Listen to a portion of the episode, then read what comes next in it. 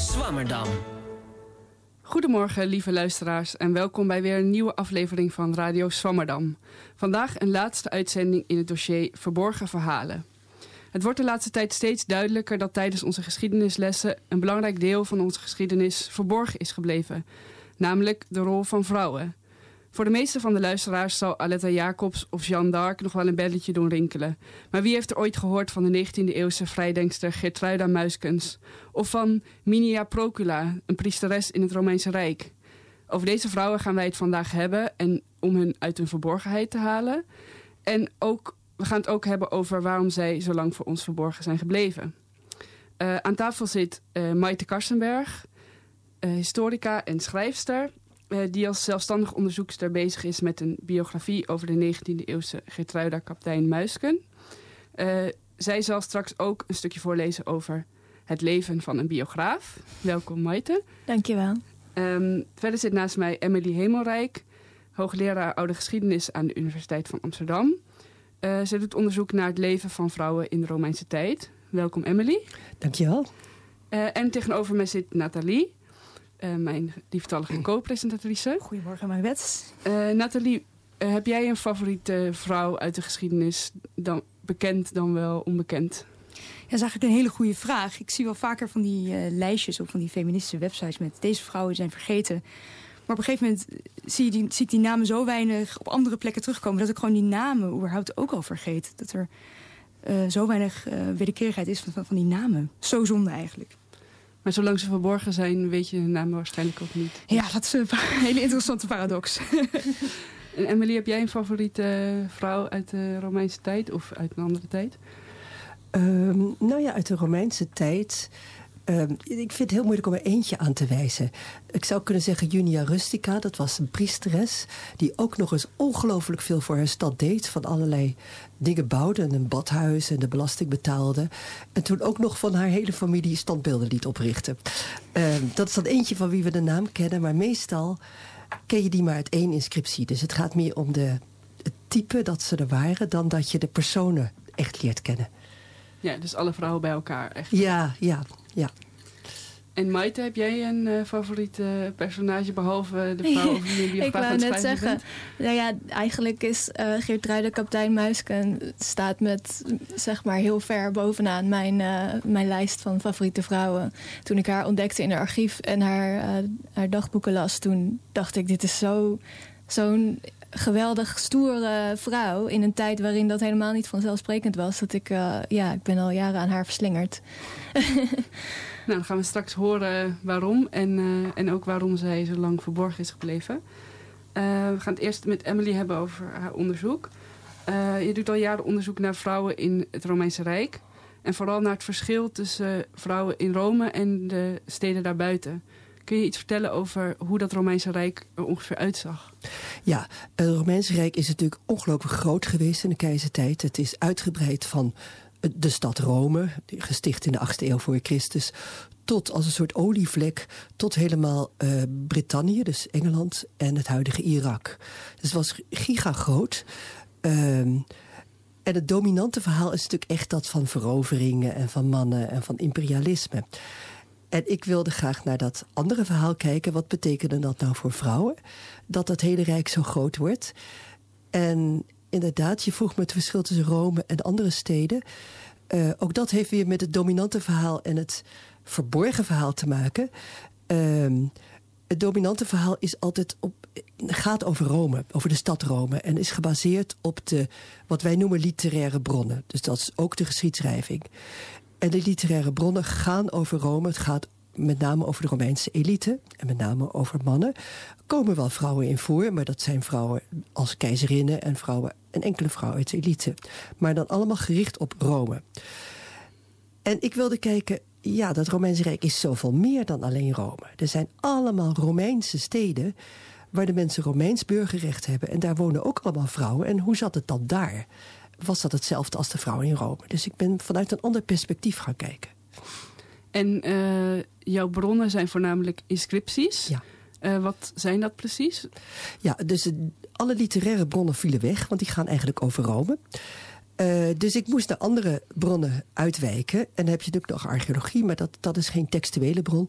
En de textuele bron zijn dan inscripties. En inscripties zijn in steen of brons gehakte teksten... die dus bedoeld zijn voor de eeuwigheid...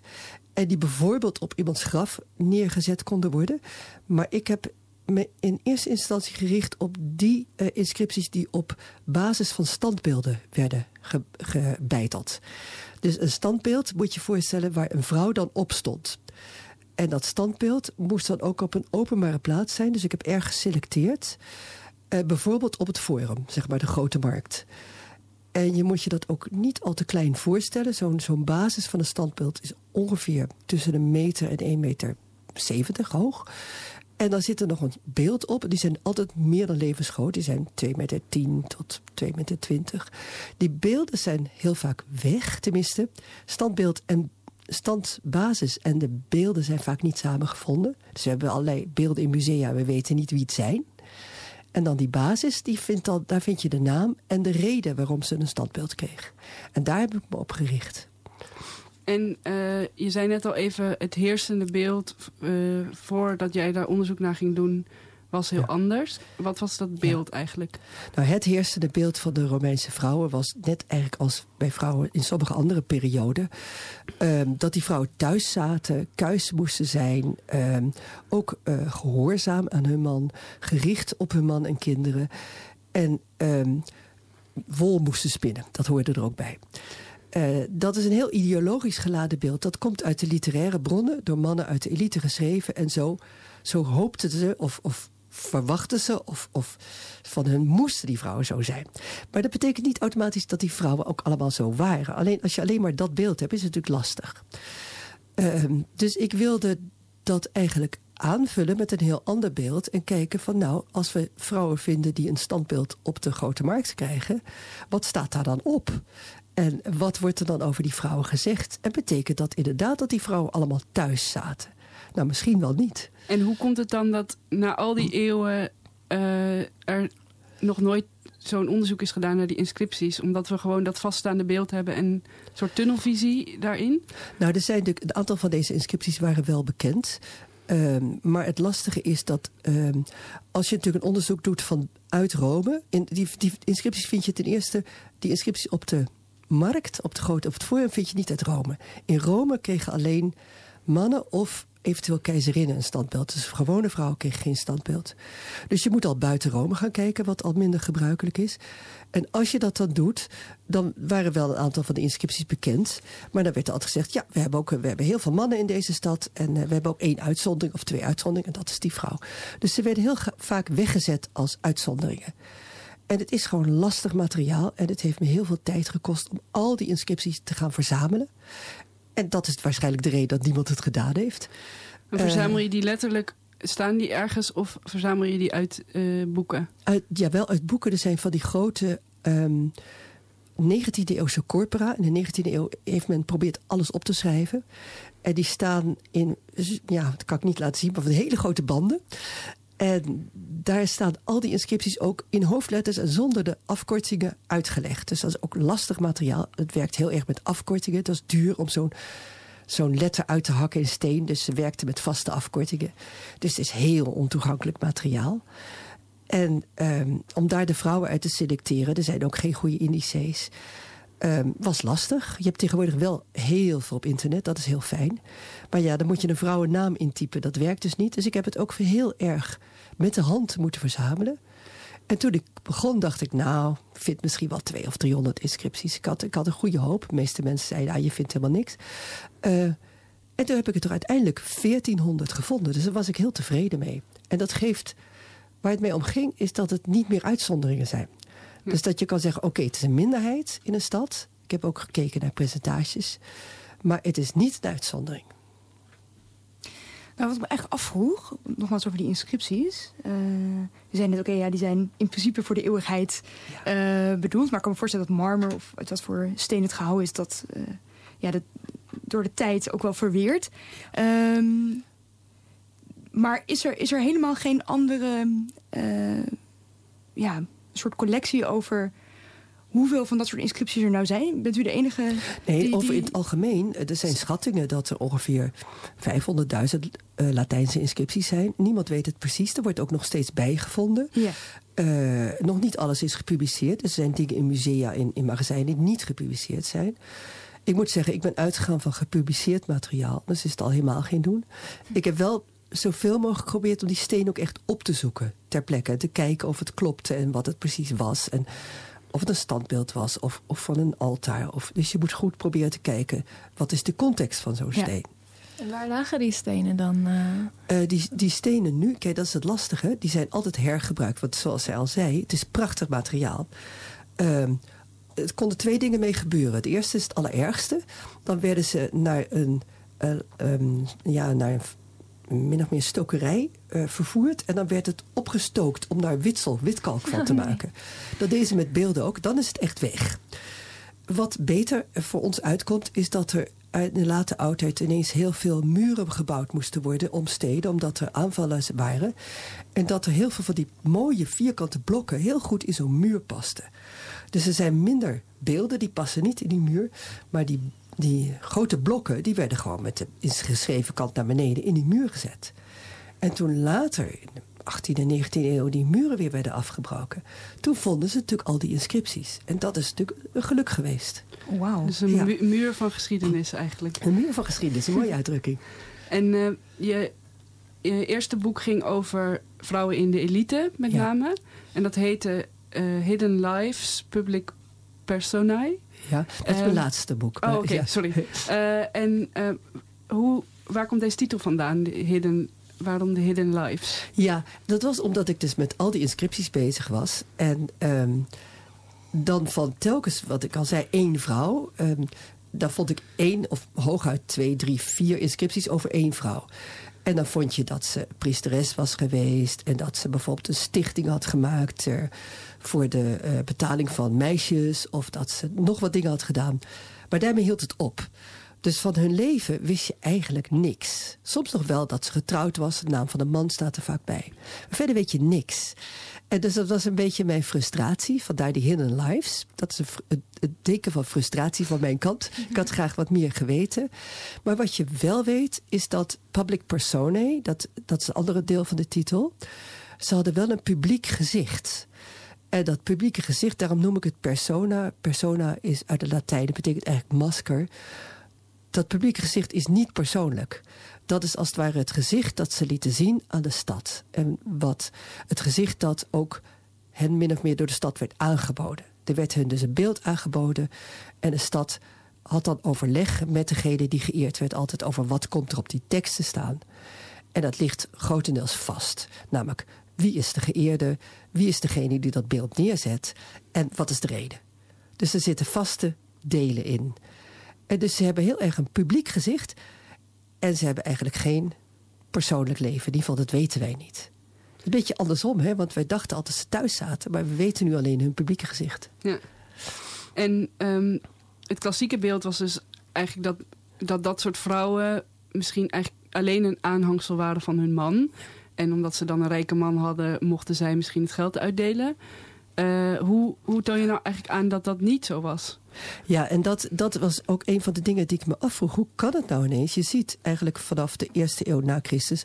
in al die steden ineens die vrouw enorme gebouwen neerzetten. Van eigen geld, zeggen ze erbij, sua pecunia. Met nadruk, van mijn eigen geld heb ik een aquaduct neergezet. En dan wordt er soms nog de prijs bij gezet. 400.000 sestertien, ongeveer reken 400.000 euro of eigenlijk meer. Een miljoen. Eh, dat zijn niet te flauwe prijzen. En dan vaak nog een flink bedrag voor het onderhoud. En dan nog een beeld wat ze dan kregen, nog zelf betaalden. Dus ze hebben heel veel geld. En dat geld is van henzelf, Sua. En toen ben ik gaan kijken, ja, maar hoe, hoe kan dit? En ik ben ik in het Romeinse recht eh, gaan kijken. En dat zijn natuurlijk hele andere bronnen. Dat zijn wel ehm, overgeleverde bronnen, schriftelijk overgeleverde bronnen. En daar, dit is een beetje ingewikkeld, maar ehm, rond het begin van de jaartelling, iets eerder, had je een verandering in het eh, huwelijksrecht. Voor die tijd trouwden vrouwen en dan trouwden ze met een man. En dan gingen ze met hun hele bezit, als ze dat hadden, van hun vader over naar die man. En dan werden ze als het ware juridisch zijn dochter. Dus als die man doodging, dan erfden ze evenveel als hun eigen kinderen. Dat gaf ook aan dat ze eigenlijk zolang die man leefde geen eigen bezit konden hebben.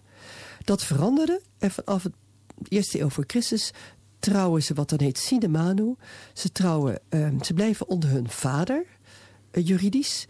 En de man met wie ze trouwen heeft geen enkele zeggenschap over hun bezit. Dus dat zijn wat wij misschien noemen ehm, dat je gescheiden vermogens hebt in een huwelijk. Ehm, maar het was nog veel sterker. Je mocht elkaar geen grote cadeaus geven. Dus het was echt, die vrouw had echt helemaal eigen geld. En als dan die vader doodging, dan was ze sui dat betekent eigenrechtig. En dan had ze nog een voogd voor de grote beslissingen. Stel, je, je erft dan, uh, zijn rijke vrouwen, een paar landgoederen en nog een heel groot huis. En je denkt, kom, ik ga eens eventjes de bloemetjes buiten zetten... en ik verkoop dat landgoed. Nou, dan kon ik voogd zetten, nee, dat vinden we niet goed. Dus bij de hele grote beslissingen hadden ze een voogd. En toen kwam er nog een wet van keizer Augustus... en die bepaalde dat als een vrouw drie kinderen had gebaard... dat ze die voogd niet meer nodig had. Dus toen vanaf dat moment waren getrouwde vrouwen met drie kinderen volledig handelingsbekwaam. En dat vind ik echt opmerkelijk hoor, want dat zijn Nederlandse getrouwde vrouwen pas sinds 1956. ja. ja. Ongelooflijk. Dus dat staat gelijk vanaf nou, die huwelijkswetgeving, eh, net iets voor 17 voor Christus of zoiets, echt rond het begin van de jaartelling. Dus dat is volgens mij cruciaal geweest. Ja, dus die vrouwen konden beschikken over hun eigen geld. En daarmee konden ze weldoener zijn voor de stad eigenlijk. Ze konden helemaal zelf bepalen wat ze daarmee deden. En nou zit natuurlijk wel... Kijk, wat mensen in de slaapkamer hebben besproken, dat weten we niet. Maar formeel kon die man daar helemaal niks tegen ondernemen... ook als hij dat niet wou. Dus dat konden ze helemaal zelf beslissen. En ze kregen ook, zij kregen ook een standbeeld. Die man had, ze komen natuurlijk uit de elite... die mannen hadden vaak ook wel iets gedaan. Die kregen dan ook een standbeeld. Maar dan met hun daden erbij. En zij kregen een standpunt met haar daden. Dus het is wel degelijk een hele eigen, uh, ja, een eigen standbeeld, een eigen gift die ze bijvoorbeeld aan de stad deden. Dat vond ik interessant. En uh, om die gift te doen was voor hun ook een soort baan, zou je kunnen zeggen, toch? Of ja. daar, waarschijnlijk moesten ze wel onderhandelen of netwerken om zoiets voor elkaar te krijgen. Het is natuurlijk heel interessant, hè? want ze hebben natuurlijk bijvoorbeeld landgoederen. Daar moesten ze zelf voor zorgen dat die inkomsten binnenkomen. We weten veel vrouwen die hebben gehandeld in, uh, via tussen, tussenpersonen in olijfolie en in wijn. We hebben namen op, op vaten, olijfolievaten hebben de namen van vrouwen als, als degene die de, uh, het landgoed in bezit hadden en die die zaak verkochten. Dus ze hadden, heel, ze hadden absoluut, ze beheerden die landgoederen zelf. Dus uh, ze stonden daar niet te plukken, maar ze hadden natuurlijk wel echt werk aan. En dan hadden ze zelf de keus of ze dat wel of niet um, bijvoorbeeld aan de stad gaven. Maar je kan je allerlei redenen voorstellen. Bijvoorbeeld het bad. Er is geen badhuis. En dan moeten ze dus naar de stadsraad gaan. En moeten ze zeggen van nou, ik wil wel een badhuis aanbieden. En dan kon de stadsraad ja of nee zeggen. En dan kon de, kon de stadsraad zeggen, nou, ik, wij hebben een stukje land, dan zet jij dat badhuis erop. Of ze kon zeggen, nou, ik heb zelf wel een stukje land, dat bied ik ook aan. Dan zet ik dat badhuis erop. Vervolgens ga ik dat nog een, een, een banket geven als het klaar is. Dan werd het groot gevierd. Daar was ze dan zelf prominent bij. En dan kon de dankbare stad zeggen, nou, dan krijg jij weer een stadbeeld. We hebben dat soms echt letterlijk op die inscripties over, die hele dialoog. En dan kon zij weer zeggen, ja, wat fijn, ik ben heel blij met het standbeeld en ik zal het zelf betalen. Dus dan had je dus een hele soort beleefde dialoog tussen die twee. Maar er zitten allerlei onderhandelingen achter. Maar dan was ze dus echt een helemaal zelfstandig contactpersoon, zelfstandig handelend. En iemand met autoriteit. Ja, door het geld. Ja, ja. dat is echt heel bijzonder. Ja. En die uh, dialogen die werden allemaal gezet op de steen onder haar standbeeld. Ja, niet, niet allemaal. Meestal stond de uitkomst van die dialoog. Ze heeft dit gegeven. De stadraak was blij. En uit dankbaarheid, dus die biedt haar dankbaarheid een beeld aan. En uit dankbaarheid dat ze het krijgt, biedt ze dan het geld aan. Maar soms staat het nog uitgebreider. En we hebben bij vrouwen die, op een zeker moment worden sommige vrouwen als patrones van een stad gekozen. En daar hebben we een aantal gevallen dus ook de, het besluit van de stadsraad over dat dan op, in brons werd gegraveerd. En dat zijn bronzen platen van ongeveer een meter hoog. En er staat een, helemaal het besluit van die stadsraad. Ook het wordt unaniem. Unaniem gaan we nu besluiten, omdat deze vrouw eh, zo belangrijk is, et cetera. En eh, wordt zij eh, gekozen als patrones van de stad. En dan hopen we dat zij wil bemiddelen voor ons met de machthebbers in Rome. Dus het staat echt bijna let, de machthebbers in Rome worden die gezegd. Er wordt de belangrijke mensen gezegd, maar we weten dat dat Rome is. Dus het, het, we hebben die besluiten over. En die hebben ook van mannen, maar ook van vrouwen. En we hebben het nu steeds gehad over rijke vrouwen Ja. eh, eh, in de elite. Ehm, maar we weten ook dingen over vrouwen uit de middenklasse. Ja. Eh, je bent onlangs naar Rome geweest voor een ander onderzoek. Ja. En wat heb je daar precies onderzocht? Ja, ik ben nu, want ik, ik wilde graag ook het uitbreiden naar die middenklasse. Want dat is ook een klasse die verder helemaal uit het zicht is. En van die middenklasse hebben we dus geen standbeelden, dat kregen ze niet, maar wel grafinscripties. En het aardige is dat op die grafinscripties, behalve de naam van de dode en degene die dat ding neerzet, en de relatie daartussen, soms ook andere dingen staan. En bijvoorbeeld bij, heel, bij een flink aantal vrouwen, meer dan ik dacht, staat het beroep erop. Dus dat is de werkende middenklasse. En dan heb je niet alleen eh, kapsters en vroedvrouwen en eh, nou, wat, wat zou je nog meer verwachten? Van die typische vrouwenberoepen, weefsters of ehm, spinsters. Maar je hebt ook eigenlijk een veel breder scala, schoenmakers, ehm purperververs, groentevrouwen, ehm, vrouwen die ju- juwelen maken of juweliers eh, zijn en juwelen verkopen. Dus een veel breder scala dan je zou denken in eerste instantie. En ook vrij veel artsen, vrouwelijke artsen. En, En hebben die vrouwen dan hetzelfde beroep als hun man?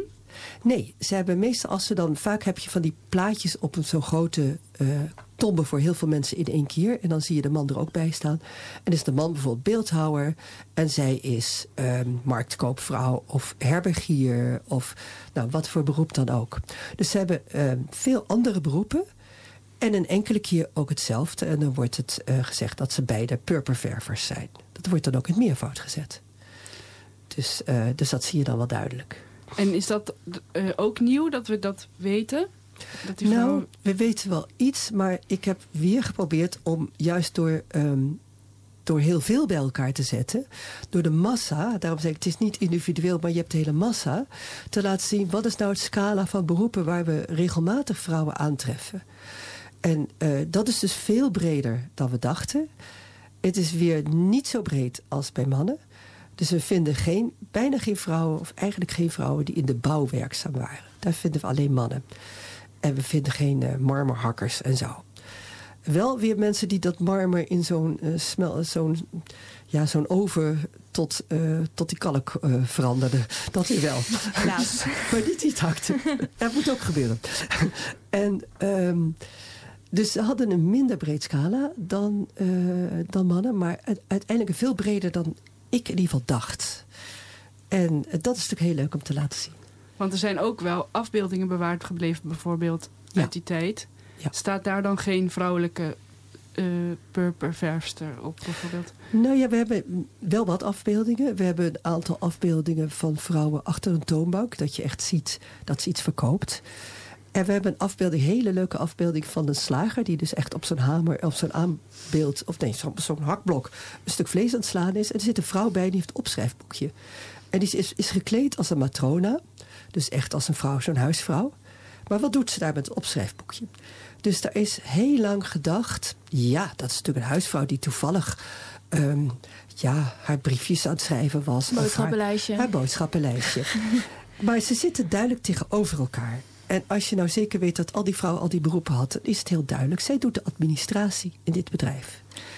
En eh, we hebben ook bijvoorbeeld vrouwen die inderdaad financieel goed onderlegd waren. Die dingen kochten en verkochten. We hebben van die koopcontracten. Dus ze waren wel degelijk ook daarin betrokken. En je zei net, ze was wel gekleed als een moeder. Ja. Eh, heeft dat dan weer iets te maken met die ideologie... Ja. Dat, dat, ze gewoon, dat ze vrouwen niet wilden afbeelden in hun werkkleding? Ja, nou, het is, heeft met de ideologie überhaupt. Ik denk dat mede daardoor eh, er minder inscripties zijn met beroepen voor vrouwen dan voor mannen. Een vrouw werd toch geacht, nog steeds, om een huisvrouw te zijn. Het was ook een soort eer dat je vrouw niet hoefde te werken. En we hebben bijvoorbeeld een hele leuke. Daar heb ik een afbeelding van een vrouw. En die staat daar met een doosje in de hand. En helemaal als matrona gekleed. En je zou denken, nou, daar hebben we nou die huisvrouw die thuis zit. Maar er staat de inscriptie erboven. Er staat medica. Dus ze was arts. Dus dat doosje is waarschijnlijk het, haar medische apparatuur. Dus zo kan je door zo'n afbeelding, als je de tekst er niet bij, heel erg op het verkeerde been gezet worden. En waarschijnlijk was het de bedoeling, want deze vrouw wilde laten zien: kijk, ik ben een matrona, ik ben een keurige, fatsoenlijke vrouw. Maar ze was ook wel trots op haar beroep, dus dat komt er ook bij. En die twee zijn dus eigenlijk in hun beeld best wel goed te verenigen. En wij zijn zo star geweest, tenminste tot voor kort. Dat, dat is wel erg aan het veranderen hoor. Om te denken, ja, als we een vrouw alleen maar in die kleding zien, dan was het dus een huisvrouw. Maar dat is eigenlijk een beetje jaren 50 denken. Uh, dat was gewoon in de Romeinse tijd niet zo. En nu zien we ook, het is ook de tijd, dat het ook helemaal niet zo hoefde te zijn. Dat we gewoon best die, die teksten letterlijk mogen nemen. En daar best van uit mogen gaan dat ze, als er staat dat het medica is, dat ze ook medica was. Ja. En uh, nu we dan weten dat vrouwen allerlei beroepen hadden, wat is dan invloed op ons idee van de Romeinse samenleving als geheel? Heeft het ook invloed op ons idee van wat mannen bijvoorbeeld deden? Of, uh... Ja, ik vind, het, ik vind met name uh, bij stadsgeschiedenis. Ik moet erbij zeggen, dit zijn allemaal inscripties uit steden. Van het platteland hebben we eigenlijk, eigenlijk niks. Uh, maar als je nou stadsgeschiedenis doet en je laat die vrouwen helemaal weg dan krijg je alleen maar het idee dat mannen daar allerlei beroepen hadden. En dat, dat min of meer de economie daarop draaide. Uh, nou is het heel moeilijk percentages te zien. Uh, bij die vrouwen uit elite kom ik op zo'n 10 tot 20 procent vrouwen. Dus blijft een minderheid. Ik denk, maar dat is een gok... dat als je kijkt naar vrouwen met een beroepsaanduiding... dat het ook iets van 10 of 20 procent van het totaal is. Uh, maar ze waren er wel. En ik heb ook zelfs naar vrouwen gekeken die van de ene plek naar de andere gingen. Dus die migreerden. Vrouwen die uit Spanje naar een mijngebied togen. En daar stierven, want dan, staat, dan weet je dat. En dan staat op hun inscriptie dat ze ergens anders vandaan komen. Dan kan je kijken hoe ver hebben ze gereisd naar dat mijngebied. Hebben ze soms al 500 kilometer gereisd. En dan kan je denken, wat kwamen ze daar nou doen? Want ze waren niet getrouwd, ze gingen niet met een man mee. En dan heb je een literaire tekst van Plinius die zegt dat vrouwen in mijn gebieden het werk deden als het zeven van het materiaal om te kijken of er nog zilver bij zat. Dus ze gingen niet die mijnen in om daar te hakken, maar ze zeefden wel het materiaal. En als je dat dan combineert, daar staat dus geen beroep op. Dat is een ongeschoold beroep. En ongeschoolde beroepen vermeld je niet. Dus uh, er waren dus nog veel meer vrouwen werkzaam, maar dan bijvoorbeeld in ongeschoolde beroepen. Ja, dus het is, het is heel moeilijk om te zeggen iets te zeggen over die percentages uiteindelijk. uiteindelijk wel, ja. ja. Um, nou, we gaan straks nog even verder praten over uh, hoe het nou komt dat die vrouwen zo lang verborgen zijn gebleven en over het feminisme in de geschiedenis of in de geschiedkunde. Um, maar we maken even een uh, flinke sprong in de tijd. Uh, en we gaan naar de 19e eeuw, naar een andere bijzondere vrouw, Geertruida Kaptein Muisken. Um, Maite Karsenberg zit hier naast mij. Zij is schrijfster en historica en bezig met een biografie over Geertruida. Uh, wie was Geertruida? Um, ja, Geertruida was een vrouw die, um, ik denk, vooral gekenmerkt werd door een enorme leergierigheid. Dus ze wilde alles weten. Ze, ze, was, eh, ze had een enorme leeshonger. Ze las alles wat los en vast zat. En uh, ze leefde van 1855 tot 1920. En al, uh, ze, ze had het geluk om in Haarlem te wonen um, tijdens haar tienerjaren. En daar was net de eerste middelbare meisjesschool opgericht. Dus zij kon naar de middelbare school. Maar zelfs toen ze die had afgerond, was ze, was ze zo gefrustreerd dat ze niet door kon leren uh, dat ze um, aan een bekende voorvechter destijds voor meisjesonderwijs een brief heeft geschreven... kan ik niet naar de universiteit. En uh, die vrouw die antwoordde van nou, dat, dat, uh, dat zal helaas niet gaan. De, dat was in die tijd nog, uh, nog ongehoord, dat deed je niet. Um, maar je kunt wel privélessen gaan volgen bij Willem Dorenbos. Dat was ook de mentor van de tachtigers destijds. een be bekende literaire beweging van mannen. Maar zij is in de, in de leer gegaan bij die man. Uh, en ze is zich altijd blijven ontwikkelen. Ook al, uh, ook al verhuisde ze naar Londen en daarna naar Zwitserland en daarna terug naar Nederland. En ook al kreeg ze kinderen en um, had ze het lastig met het huishouden. Uh, ze bleef zich ontwikkelen en ze, ze bleef nadenken over de maatschappij... net zo goed als, als mannen dat in die tijd deden. Dus ze publiceerde essays en ze ging in gesprek uh, met andere denkers. Um, uh, ze bezocht debatclubs en lezingen. Um, ja, en wat mij betreft is dat, is dat echt iets, iets heel bijzonders. Een heel, een heel um, eigen gerijde persoonlijkheid. En hoe ben jij op haar, bij haar terechtgekomen? Nou, dat is wel een grappig verhaal. Ik was uh, als student geschiedenis... Um, heb ik een tijd stage gelopen in het Huygens Instituut. Dat is een wetenschappelijk instituut voor geesteswetenschappen. Um, en ik hielp daar mee met het inventariseren van de brieven van allerlei belangrijke literaire figuren, met name uit die beweging van 80. Dus dan heb je Albert Verwij en Willem Witsen. En die hadden enorme brievencorrespondenties. Die correspondeerden met iedereen, met schrijvers, met dichters, met uh, kunstenaars, wetenschappers. En ik, uh, het was mijn taak om al die brieven eigenlijk te ontcijferen en te bekijken wie die correspondenten dan allemaal waren. En op een gegeven moment stuitte ik op één brief van ene Truus uit Londen. En toen ging ik eens kijken van wie was dat dan? De volledige naam was Geertruida Agneta Kaptein Muiske. En toen las ik een korte biografische schets over haar. En toen was ik eigenlijk gewoon verkocht. Ik dacht, wauw, wie is dit? Maar er was niets over haar geschreven. Behalve dat korte biografische stukje. Dus toen dacht ik, nou ja, dan moet ik het maar doen. En toen heb je een scriptie over haar geschreven. Ja. En dit heet uh, Een onweerstaanbaar dubbelleven. Ja. Uh, waar uh, komt die titel vandaan? Um, nou, dat heeft eigenlijk te maken met... dat zij, zij noemt haar leven zelf een dubbel leven. Omdat ze... ik heb haar dagboeken dus gevonden. Um, en in die dagboeken beschrijft ze eigenlijk hoe, hoe moeilijk ze het heeft om het moederschap met haar uh, ambitie. Uh, Want zij was wel gewoon een getrouwde vrouw met kinderen, of was ze niet ja. getrouwd? Ja, ze trouwde op een gegeven moment met een briljante stoomtreiningenieur. En die, die mocht gaan werken voor een groot bedrijf in Londen, Westinghouse. Uh, dus ze verhuisde met hem naar Londen. Uh, en dat was wel echt liefde. En die man die gaf haar ook de ruimte om zich te blijven ontwikkelen. En om gewoon alleen naar die clubs te gaan. En, maar ja, ze kregen ook kinderen. Uh, drie kinderen uiteindelijk. en dat is ook omdat ze heel bijzonder in die tijd, in de jaren 80 van de 19e eeuw, hebben we het dan over anticonceptie gebruikte. En heel bewust bezig was met: ik wil niet uh, keer op keer weer zwanger worden en kinderen krijgen. Want ze wist gewoon dat daar ga ik niet, daar kan ik niet mee omgaan. Dan word ik ongelukkig. Dan heb ik geen tijd meer om te lezen, om mensen te bezoeken. Uh, ze kwam zelf uit een gezin van twaalf kinderen. Uh, en, en, haar moeder had, had heel veel kinderen jong verloren. Dus dat was een, ja, dat kan je je voorstellen dat het een heel zwaar leven is. En het lukte haar om dat moederschap met met haar intellectuele ambities te combineren, maar met moeite. Dus het was een soort het dubbelleven, moeder zijn en intellectueel, schrijfster, publicist.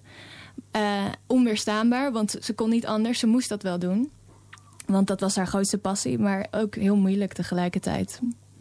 Uh, en, maar ze, ze uh, had ze ook, denk je, het idee dat ze haar gezinsleven moest verbergen om die intellectuele kant uh, te uiten, of niet? Nee, ze kon het wel combineren. En haar kinderen uh, inspireerden haar ook. Uh, ze was ook. Het was niet zo dat ze moeder was tegen wil en dank. Ze hield veel van de kinderen. En ze vond het ook leuk om, om hen een opvoeding te geven die uh, in lijn was met de, met de moderne moraal. Want zij was niet religieus. Ze, ze, zag. Ze was eigenlijk ontwikkelde zich als vrijdenker. Ze was meer spinocistisch. Um, en ze heeft op een gegeven moment bijvoorbeeld in Londen ook een, een vrijdenkers zondagschool opgericht. Voor haar eigen kinderen, maar ook voor andere kinderen van progressieve intellectuelen. Die hun kinderen wel een soort ethische ontwikkeling wilden bieden. Maar die dat niet op religieuze voet wilden doen. Um, dus in die zin inspireerde het elkaar ook wel. Maar ik denk dat het vooral qua uh, tijd. als je kleine kinderen hebt, dan ben je nu eenmaal uh, heel veel tijd kwijt aan die kinderen. Dat, dat dat voor haar moeilijk was in die beginperiode vooral. Ja, Emily, we, uh, tijdens ons voorgesprek hadden we het toevallig ook over die kinderen. Want ja. uh, hoe zat het eigenlijk met Romeinse vrouwen en kinderen? Die hoe konden zij werken? Want ze hadden allemaal veel kinderen, toch? Ja, in principe je was wel voorbehoeding. Maar als je dat leest wat het was, dan kan het nooit gewerkt hebben. Ja, dus, dat ben ik. in principe wordt er van uitgegaan dat de gemiddelde vrouw wel zo'n zes kinderen kreeg. Die bleven niet allemaal leven. er was enorme kindersterfte. Maar waardoor ze vrouwen uit de elite in ieder geval konden werken... was dat uh, ze een enorm aantal slaven hadden... die voor die verzorging van die kinderen waren. Van voedsters tot uh, opvoedsters tot ja, mensen die, die kinderen mee naar school namen en noem maar op. Dus er was een enorme slavenhuishouding.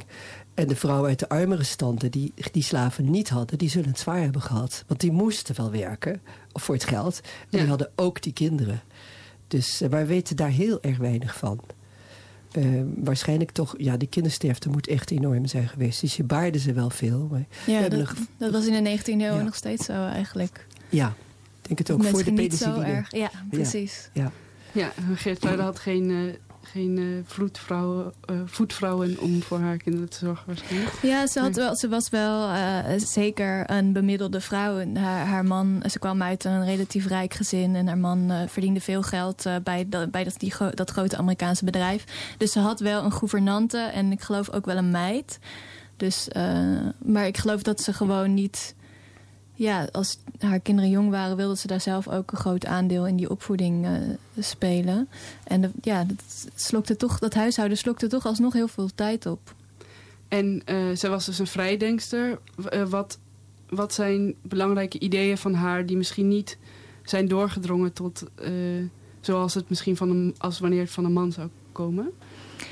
Um, nou, zij, zij uh, verdiepte zich in Londen eigenlijk in allerlei denkstromingen die in die tijd uh, echt hoogtij vierden. Omdat je had Darwin, uh, het socialisme kwam op. Dus er waren heel veel mensen die zich bezighielden met waar gaat onze maatschappij heen. de industriële revolutie. dingen gingen steeds sneller en makkelijker. En er waren ook eigenlijk het christendom uh, had minder invloed dan uh, in de jaren daarvoor. In ieder geval in die progressieve middenklasse. Um, en zij verdiept zich in al die denkstromingen echt op internationaal niveau. Zij heeft bijvoorbeeld ook een, uh, een belangrijke Franse filosoof, Jean-Marie Guillot, heeft zij van het Frans naar het Engels vertaald.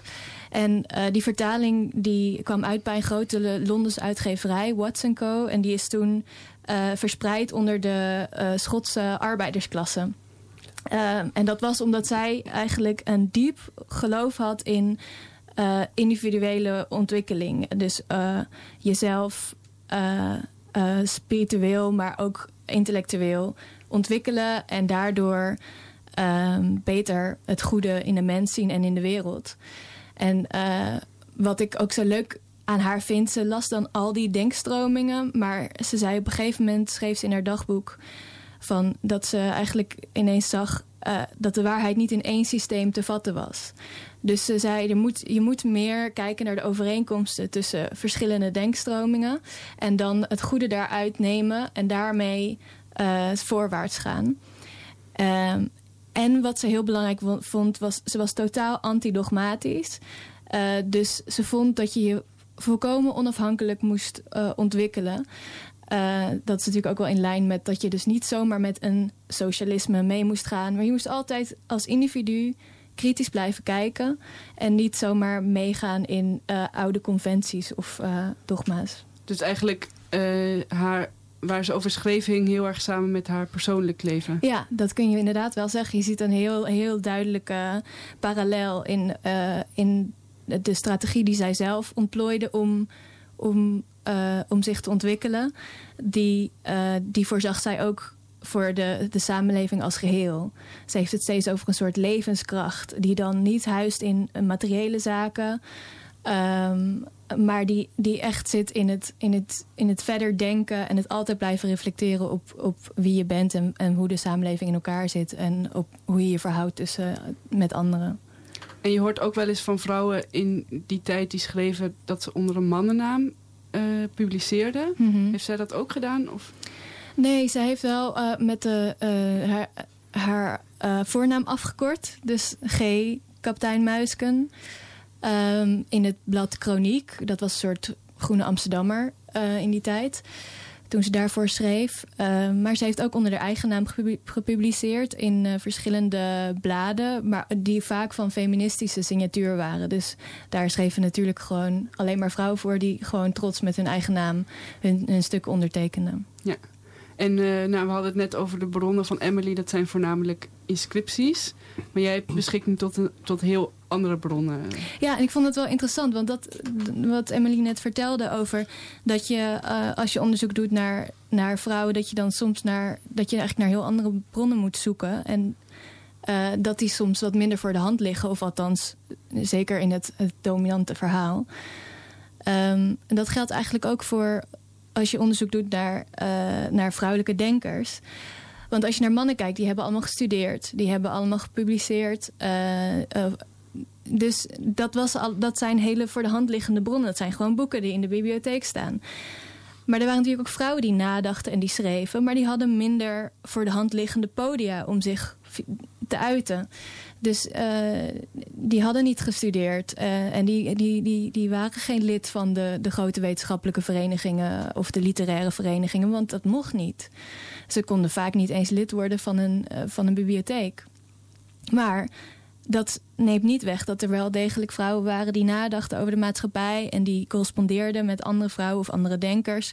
Of die uh, in het geval van Geertruida had ze het geluk dat ze twintig jaar in Londen woonde. En dat was echt een, de meest progressieve stad uh, van de wereld, ook de grootste stad van de wereld in die tijd.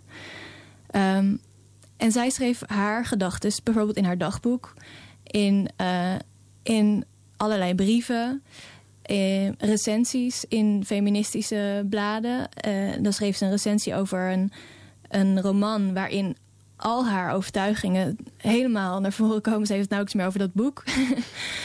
dus je moet met een andere blik uh, naar andere bronnen kijken. En dan zie je wel degelijk dat, dat, er, dat er zat vrouwen waren die, die, ja, die lazen, die nadachten en die, die interessante ideeën hadden. Ja, dus het is niet per se zo dat die vrouwen allemaal bewust zijn... Uh, dat we die bewust nog niet hebben gezien... maar omdat we een bepaalde blik hebben op bepaalde bronnen. Ja, toch die jaren 50 blik waar Emily net ook over had. Dat is toch mo moeilijk om uit te breken, merk ik, in de historische praktijk. Ja. Ik ga hier ook nog een vraag uh, of op inhaken. Mm -hmm. Het lijkt alsof ik het alleen maar heb over de destructie van bronnen. Dat ik hem niet, maar hetzelfde verhaal over uh, die inscripties die op een gegeven moment kalkpoeder werden. Uh, ik kan me voorstellen dat er toch over die dagboeken bijvoorbeeld, stel we nemen bijvoorbeeld een dagboek, dat er toch uh, een bepaalde waarde aan werd gehecht en dat het toch bewaard is gebleven.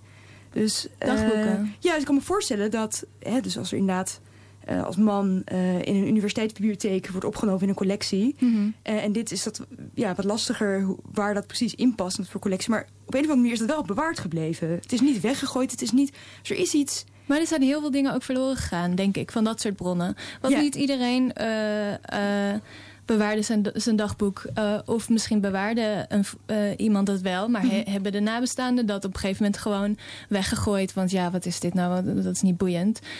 En als het dus niet opgenomen is in een collectie... dan is dat toch wel sneller onderhevig aan destructie. Dus ik denk dat er daardoor inderdaad kwantitatief wel uh, minder van dit soort bronnen zijn. En dat ze ook moeilijker te vinden zijn. Hier in Amsterdam heb je het geluk dat je het Atria Vrouwenarchief uh, hebt... waar sinds de eerste feministische golf eigenlijk vrouwen al voor hebben gezorgd... dat er allemaal documenten over die strijdbare vrouwen bewaard bleven. Dus dat is, daar, ligt, daar ligt ook het archief van kapitein Muiske. Maar dat archief is ook niet compleet. Ik moet ook de hele tijd denken van... oké, okay, hoe, ga ik, hoe ga ik het jaar ik zeg maar wat, 1895 beschrijven als, er, als ze niks in haar dagboek schreef en ik ook geen brieven heb. Ja. Maar dat, dat heeft elke historicus natuurlijk in meer of mindere mate. En we praten natuurlijk nu over haar omdat het bewaard is gebleven, maar er zijn misschien ook nog heel veel vrouwen van die het niet bewaard is gebleven. Ja, ongetwijfeld. Um, op jouw website www.maitekarsenberg.nl schrijf je blogs over het leven van een biograaf. En ja. uh, daarvan ga je er nu eentje voorlezen. Dus dat ja. Wil. Ja, ik schrijf dus af en toe gewoon uh, um, voor degene die het interesseert een blog over mijn werk als biograaf. En deze is van afgelopen woensdag. Vanochtend ging ik naar bijzondere collecties hier in Amsterdam om in de archieven naar brieven van, naar en over Geertruida te zoeken. Ik opende voorzichtig de papieren beschermmappen van mijn aanvragen en tuurde enige tijd naar vier briefjes van verschillend formaat. Waarop uh, Marta van Vloten, dat was de dochter van de beruchte 19e-eeuwse polemist uh, Johannes van Vloten, en zij was tevens de latere vrouw van tachtiger Frederik van Ede. Ze had op die briefjes omstreeks 1880 onleesbare tekens gekrabbeld aan haar zus, Betsy. Ik kon er werkelijk geen chocola van maken. Om meer informatie over het Van Vloten en Tachtigersarchief in te winnen, sprak ik met de collectiebeheerder, een zachtaardige man in een kantoortje waarin, zo leek het, een ondefinieerbare collectie boeken en documenten aan elke vorm van beheer was ontsnapt. Sorry voor de chaos, zei hij verontschuldigend, waarop ik welwillend antwoordde: Ach, zo ziet mijn werkkamer er ook uit. Maar zelfs ik krijg eigenlijk mijn werkkamer niet zo stormachtig rommelig als hij. Van mensen met een opgeruimd bureau word ik altijd achterdochtig, zei de collectiebeheerder en ik mocht hem meteen graag. De collectiebeheerder en ik bleken wat de mannen van literaire eh, beweging 80, ook wel bekend als de tachtigers, geheel op één lijn te zitten. Het is misschien niet de bedoeling, maar je krijgt als collectiebeheerder na een aantal jaren toch meer eerbied voor de een dan voor de ander, zei de collectiebeheerder, enigszins verlegen. Frederik van Ede vond hij inmiddels een zelfingenomen proleet met een messiascomplex. Een beetje zoals Lodewijk van Dijssel, vroeg ik. Ja, zei hij, maar dan zonder humor. Hoog tijd voor een boek over de interessante vrouwen in de schaduw van 80, vond hij ook. Kitty van Vloten had bijvoorbeeld een geweldig literair talent. Maar wat hoor je nou over haar? Het gaat altijd maar over Albert Verwij. Een man naar mijn hart. Terug in de studiezaal wierp ik opnieuw een blik op de brieven van Marta. En nu lukte het plotseling wel. De zwarte inktsliertjes veranderden als bij toverslag in een herkenbaar schrift. Je moet gaan naar de Crystal Palace Bazaar Oxford Street, vlakbij Regent Circus, was de geheimzinnige boodschap. Daar zit een juffrouw met potteries die in het voorjaar van Truus. Wacht even, Truus, dat is Gertruida. In drie van de vier brieven die ik redelijk willekeurig had geselecteerd uit de enorme collectie, werd mijn Truus genoemd. Een geweldige vondst. Ik bestelde meer brieven en deed de een na de andere ontdekking. Maar daar zeg ik verder niks over, want een biograaf moet natuurlijk niet alles verklappen. Heel mooi, dankjewel. Emily, heb jij ook wel eens dat soort uh, geluksmomenten als je in een eh, een boek met inscripties zit te bladeren, dat je opeens ziet wat er staat? Nou, daar is het eigenlijk wel makkelijk. Die, die letters zijn heel duidelijk. En uh, gelukkig is, is, internet dus ook een enorme steun met het aanvullen van die, van die inscripties. Maar ik ben altijd bezig geweest om die inscripties ook echt te traceren in de plek waar ze dan waren. En dan had ik, want je wilt toch graag zien hoe groot is het en wat is het. En dat zijn informatie die je, nou, die je mist in die corpora. Dus um, dan had ik altijd op vakantie ook een lijstje bij me van inscripties die ik graag wilde zien. En in elke stad probeerde ik dat dan. En dat was vaak heel ontmoedigend. Er stond er inscriptie al verdwenen, in het Latijn wordt dat altijd gezegd, sinds de 17e eeuw. Voor het laatst gezien op de markt in de 17e eeuw. Ik dacht, nou, daar gaan we dan. en dan ging ik zoeken. En um, soms vond je het, soms vond je, vond je het niet. Maar één keer vond ik dat wel echt heel grappig toen. Op een of andere manier kwam ik bij politie terecht. En ik zei, ja, ik zoek een inscriptie. Wat de politie natuurlijk ook echt heel werk vond. En in ieder geval, ik, ik was mee. Eh, ik zocht eigenlijk, ik dacht dat het een bepaald gebouw was. Dus ik was mee met hen in hun bureau. En ik kijk en ik kijk onder de tafel. En ik zie ineens dat ze hem als tafelpoot gebruikten. Nee. Inscriptie. En toen, ja, dan was ik helemaal enthousiast natuurlijk. En die mensen begrepen eigenlijk niet waarom ik zo enthousiast werd. Maar toen mocht ik wel foto's van onder die tafelpoot maken. Wauw. En dat soort dingen zijn wel heel erg leuke ontdekkingen. Ja. Ja, Dus ik heb het ook één keer gehad. Dan, dan zeiden ze, ja, hij staat volgens mij ergens in een kelder. Toen bleek dat een, een soort um, traiteur te zijn in die kelder met allemaal lekkere dingen. En dan hadden ze mijn inscriptie op een standbeeld. Hadden ze gebruikt er ook allemaal lekkere potjes jam en, en leverworst en zo bovenop mijn standbeeld te zetten. En toen waren ze ook heel aardig. Ik mocht het wel fotograferen, maar ik mocht die potjes jam er niet bij fotograferen. Dus dat moest ik zorgen dat dat er af was. Dus je vindt ze op, op zijn gekste plekken terug. En dat is wel heel erg leuk. Ja, lijkt me erg leuk, ja.